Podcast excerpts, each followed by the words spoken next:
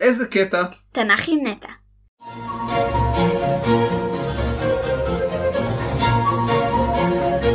איזה קטע? תנ"ך עם נטע.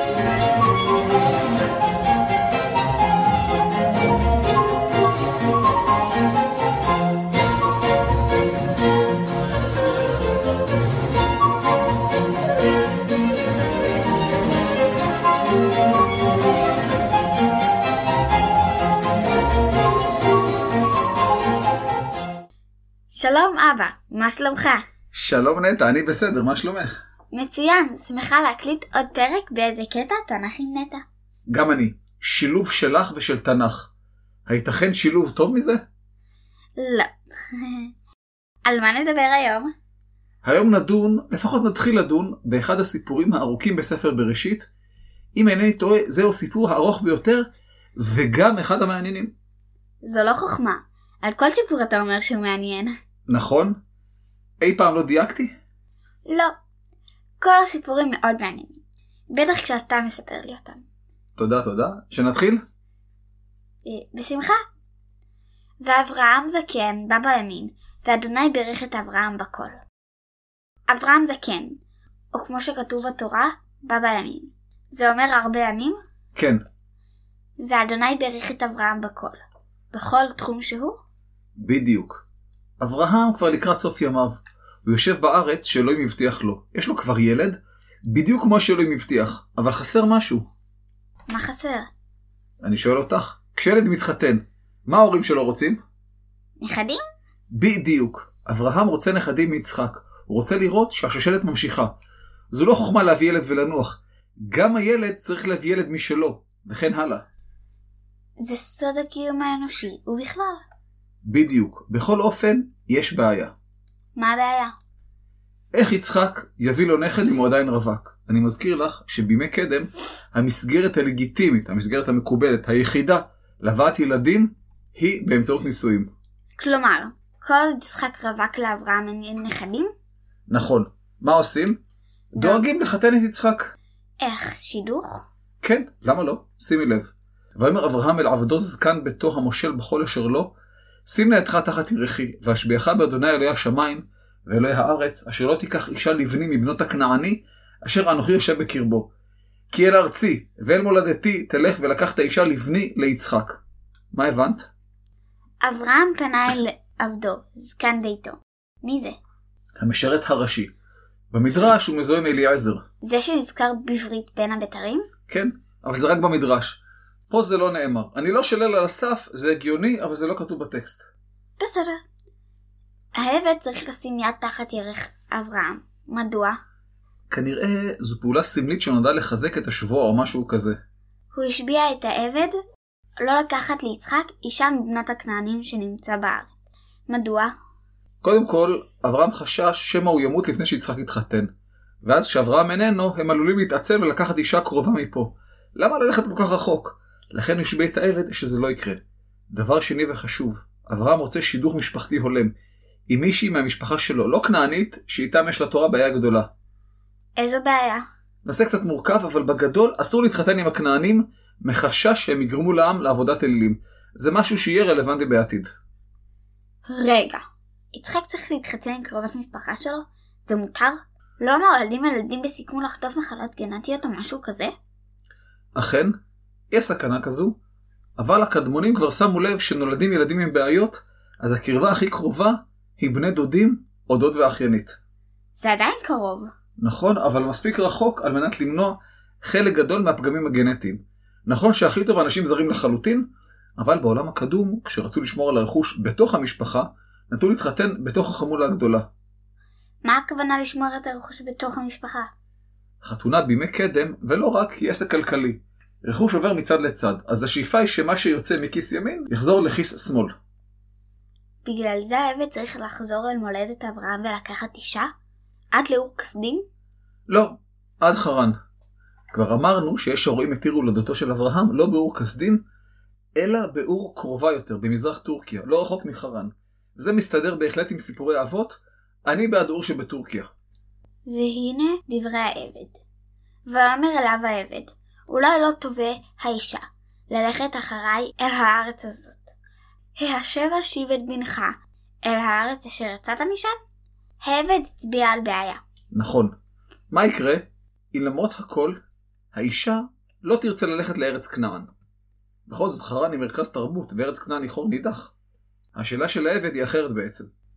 מה השאלה? מה יותר חשוב לאברהם? אישה מהמשפחה, או שיצחק יישאר בארץ?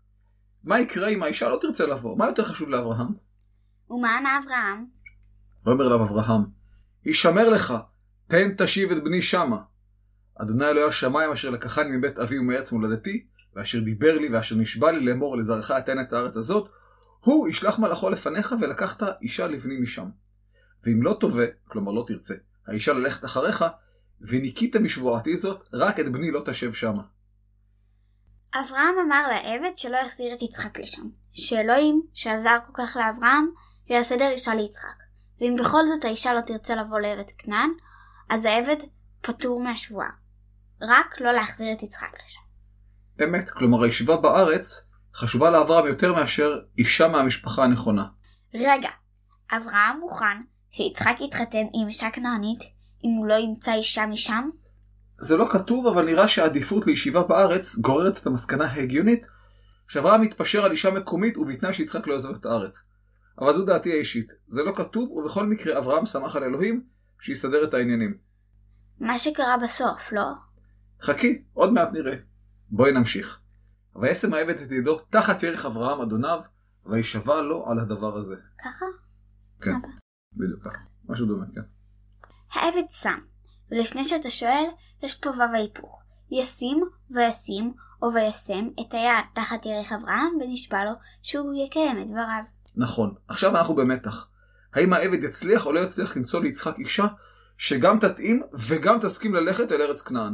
ויקח העבד עשרה גמלים מגמלי אדוניו, וילך בכל טוב אדוניו בידו, ויקום וילך אל ארם נהריים, אל עיר נחור. העבד לקח עשרה גמלים עמוסי כל טוב, והלך אל ארם נהריים, אל עיר נחור. איפה זה ארם נהריים, ואיפה זה עיר נחור? שאלות מצוינות. ארם נהריים הוא מונח גיאוגרפי המתייחס לארץ ארם אשר בין הנהרות. על אילו נהרות מדובר? איני יודעת. במקרה הזה מדובר על הפרת והחידקל ויובליהם, כמו החבור, הבליך וכדומה. ואיפה זה במונחי ימינו? הפרת והחידקל נובעים בטורקיה של ימינו ויורדים דרומה לכיוון המפרץ הפרסי. הפרת עובר בדרך את סוריה ומגיע לעיראק. חידקל נוגע בסוריה, משהו כמו 30 קילומטר ממנו הם בגבול סוריה, וזורם דרומה לעיראק. פעם שני הנהרות נשפכו למפרץ הפרסי. והיום? הפרת והחידקל מתאחדים לנהר אחד הקרוי שאט אל ערב, הוא נשפך למפרץ הפרסי. אבל הנהרות היום הם צל חיוור של מה שהיה פעם. מדוע? בעיקר כי הטורקים תופסים את מרבית המים בסדרת סכרים, ומה שלא תפסו הטורקים בפרת, תפסו הסורים. לעיראק מגיע זרזיף קלוש לעומת מה שהיה פעם. אבל נחזור לפרק. ארץ ארם שבין הנהרות, כלומר ארם נהריים, נמצאת בצפון סוריה ודרום טורקיה של ימינו.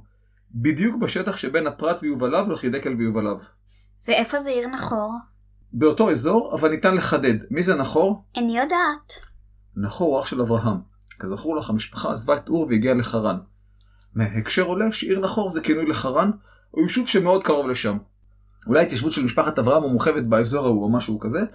אני סבור אגב שעיר נחור היא חרן, והכינוי עיר נחור מדגיש שהעבד הלך ישר למשפחת אברהם, ולא טעה בדרך או התבלבל. ומה קרה בהמשך? ויברך את הגמלים מחוץ לעיר אל באר המים לעת ערב לעת צאת השואבות. מה זה ויברך? הוא בירך אותם? לא, ויברך מלשון ברך, הוא הוריד אותם על הברכיים, כמו שעושים לגמלים. כמו שהיה לנו באחד בארותיים? כדי שיהיה נוח לעלות על הגמל? בדיוק, הוריד אותם על הברכיים ליד הבאר כדי שישתו. איזה מידע חשוב נמסר לנו. אני מזכיר לך שאין שום מילה מיותרת בסיפור המקראי. שזה היה לעת ערב? שהשואבות מגיעות? מדוע זה חשוב? אני שואל אותך, מדוע זה חשוב? כי אחת השואבות תהיה רבקה אימנו? יפה, את כבר מבינה את הרעיון. אני לומדת. בואי נמשיך. ויאמר, זה העבד, אדוני אלוהי אדוני אברהם, הקרנה לפניי היום ועשה חסד עם אדוני אברהם. הנה אנוכי ניצב על עין המים, על המעיין, ובנות אנשי העיר יוצאות לשאוב מים. והיה הנערה אשר אומר עליה, התינא קדך ואשתה, ואמרה שתה וגם גמליך אשקה, אותה הוכחת לעבדך ליצחק, ובה אדע כי עשית חסד עם אדוני. לא הבנתי דבר אחד. מה לא הבנת? כתוב נער ואתה קראת נערה. למה? כי הניקוד מורה לי לקרוא נערה. אז למה כתוב נער? זה הכתיב הקדום. פעם לא היו אימות קריאה בעברית. את זוכרת מהן אימות קריאה? בטח, אותיות אהבי, שעוזרות לנו לקרוא את המילה כמו שצריך. יפה. אז הכתיב הוא קדום, נער, אבל הקריאה היא נערה. ובכל מקרה זה מתאים להקשר.